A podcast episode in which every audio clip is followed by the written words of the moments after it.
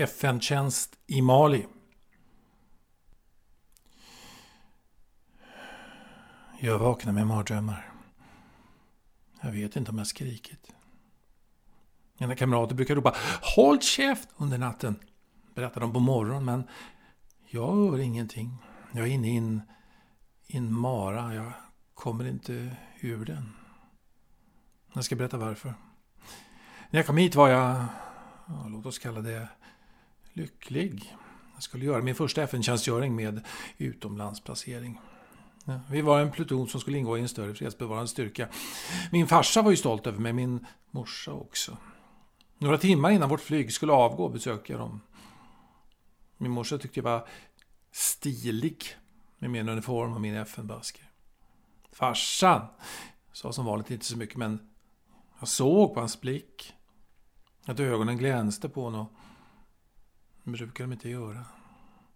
Han ville att vi skulle utbringa en skål, vilket kändes ovant och ganska olustigt. Men han var ihärdig och tog fram en flaska rött och tog till och med fram vinglas.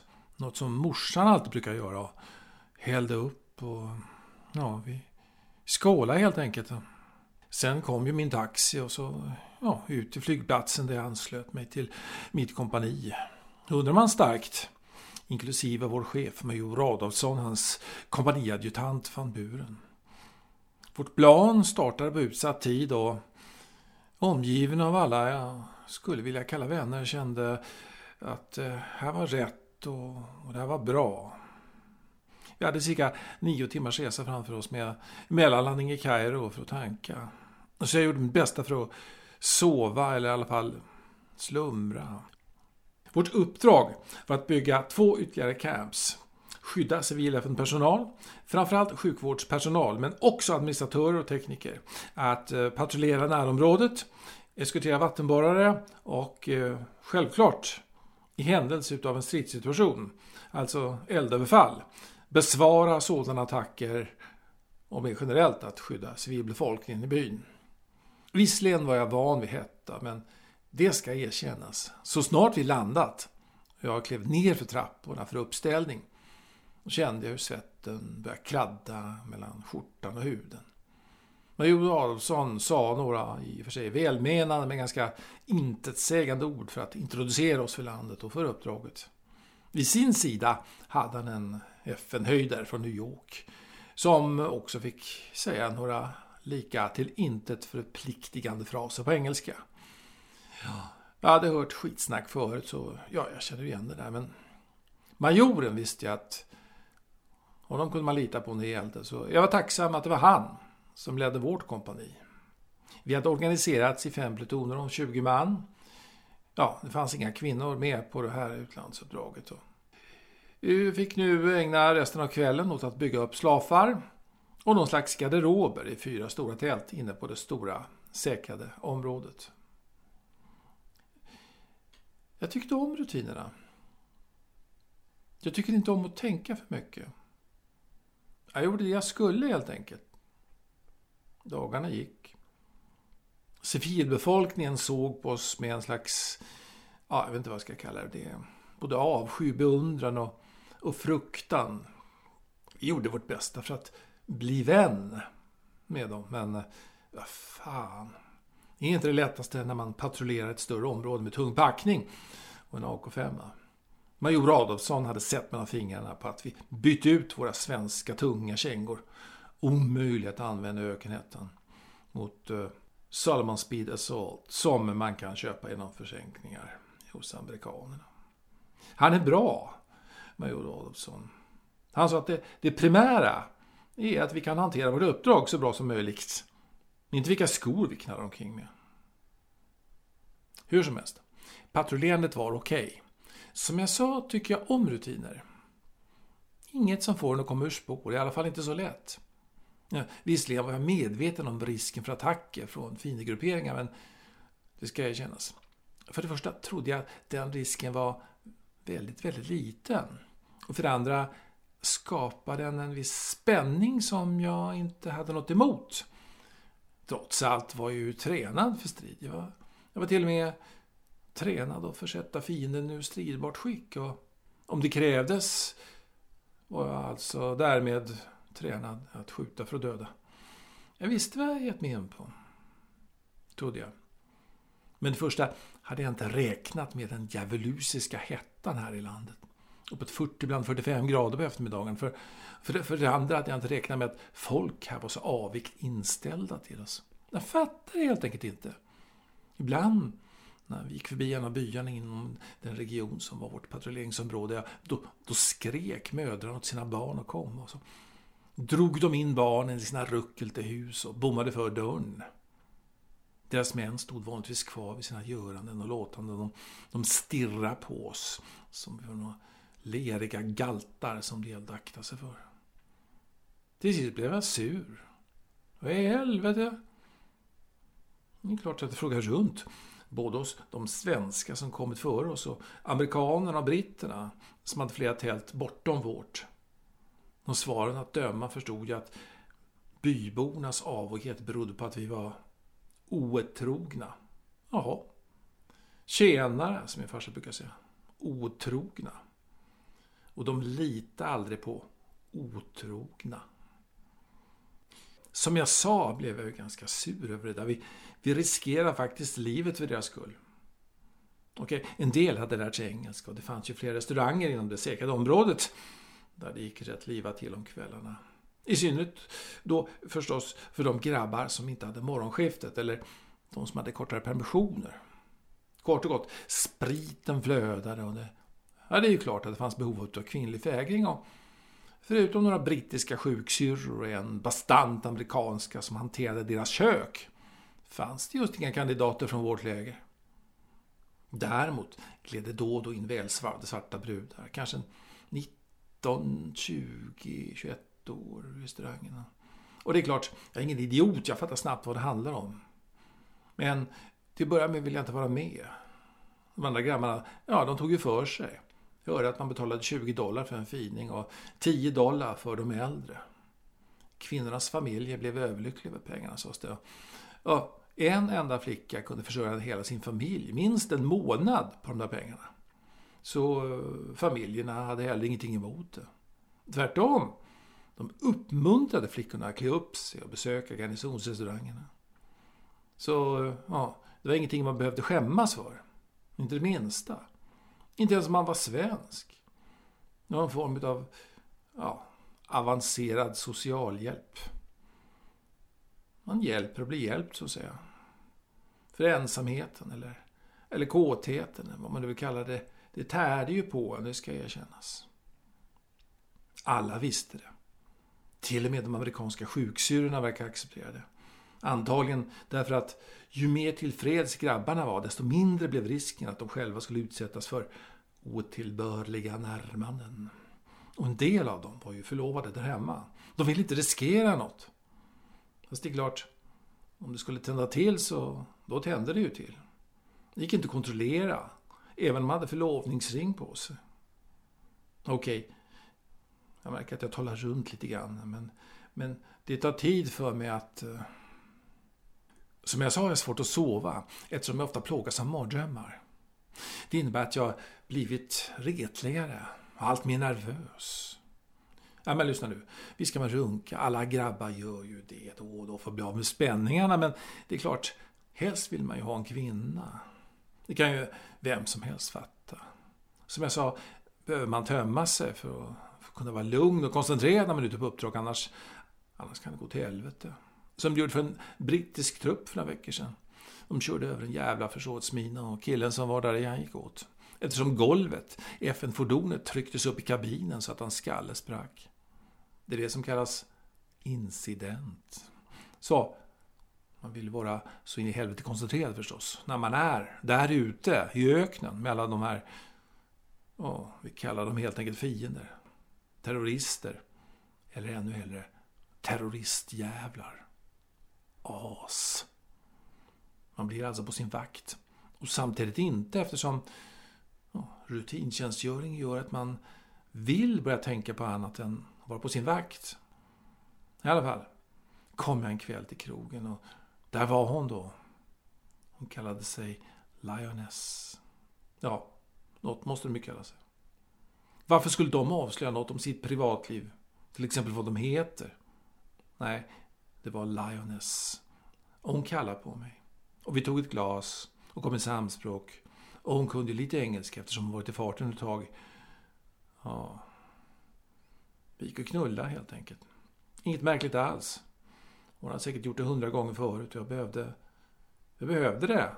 Och jag gav henne 20 dollar för besväret. Och det borde vara slut där, men, men det var det ju inte. Hon var verkligen svart. Hon var mjuk och... Låt mig säga så här. Hon uppförde sig inte som en robot. Hon var följsam i mina rörelser. Hon lät mig förändra hennes position utan vidare. Var, var inte överdrivet skrikig. Hon gnydde. Och när det hela var över fick jag en kyss. Det verkade som hon inte hade lärt sig grundmanualen för gatflickor. Att aldrig kyssa en kund på mun. Därför blev jag överrumplad, överraskad. Det var helt enkelt något annat än jag väntat mig. När jag gick tillbaka till mitt tält var jag både lugn och otillfreds. Visst, jag hade fått mitt, men ändå var det något som... Ja, det var något med flickan. Ja. Två dagar senare såg jag henne i restaurangen igen. Våra blickar möttes. Och hon nickade åt mig som om hon förstod att det var dags för oss att gå. Alla visste förstås att flickorna fanns där.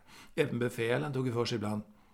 Men jag hörde av de andra att befälen, ja, de hade ju ett finare urval. Okej, jag skiter i det där. Vad jag vill säga är att alla män i den säkrade byn visste det. Och alla gjorde det. Trots att Ja, man hade ju fått några jävla förmaningar innan resan.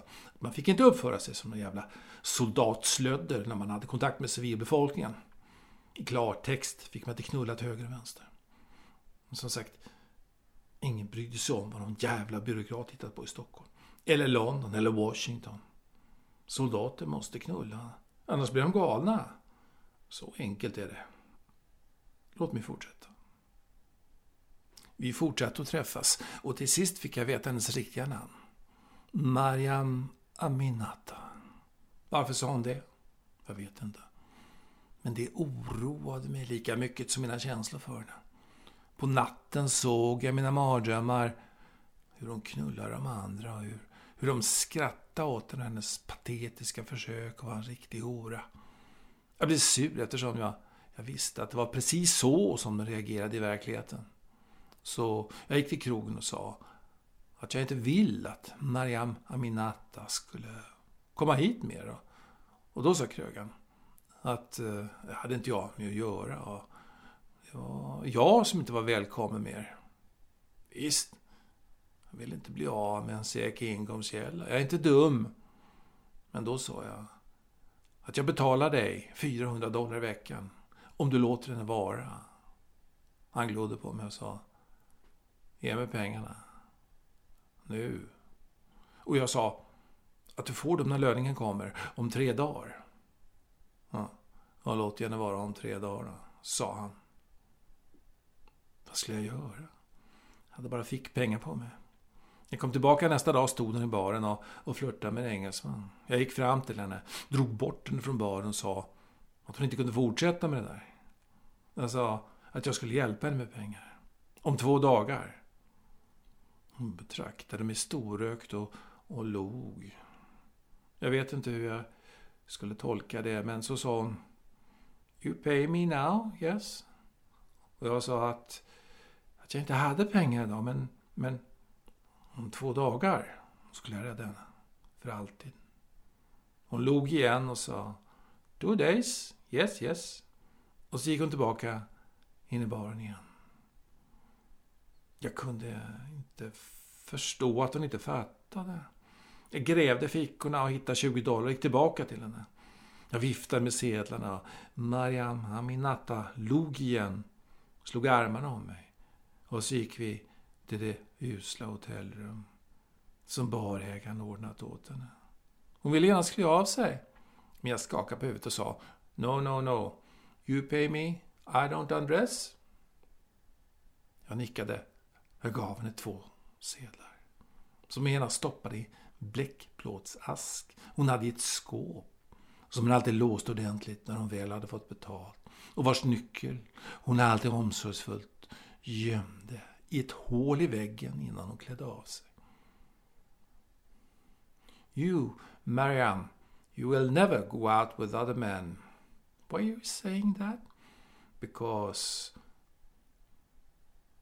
that's not good for you. But I need the money, you see.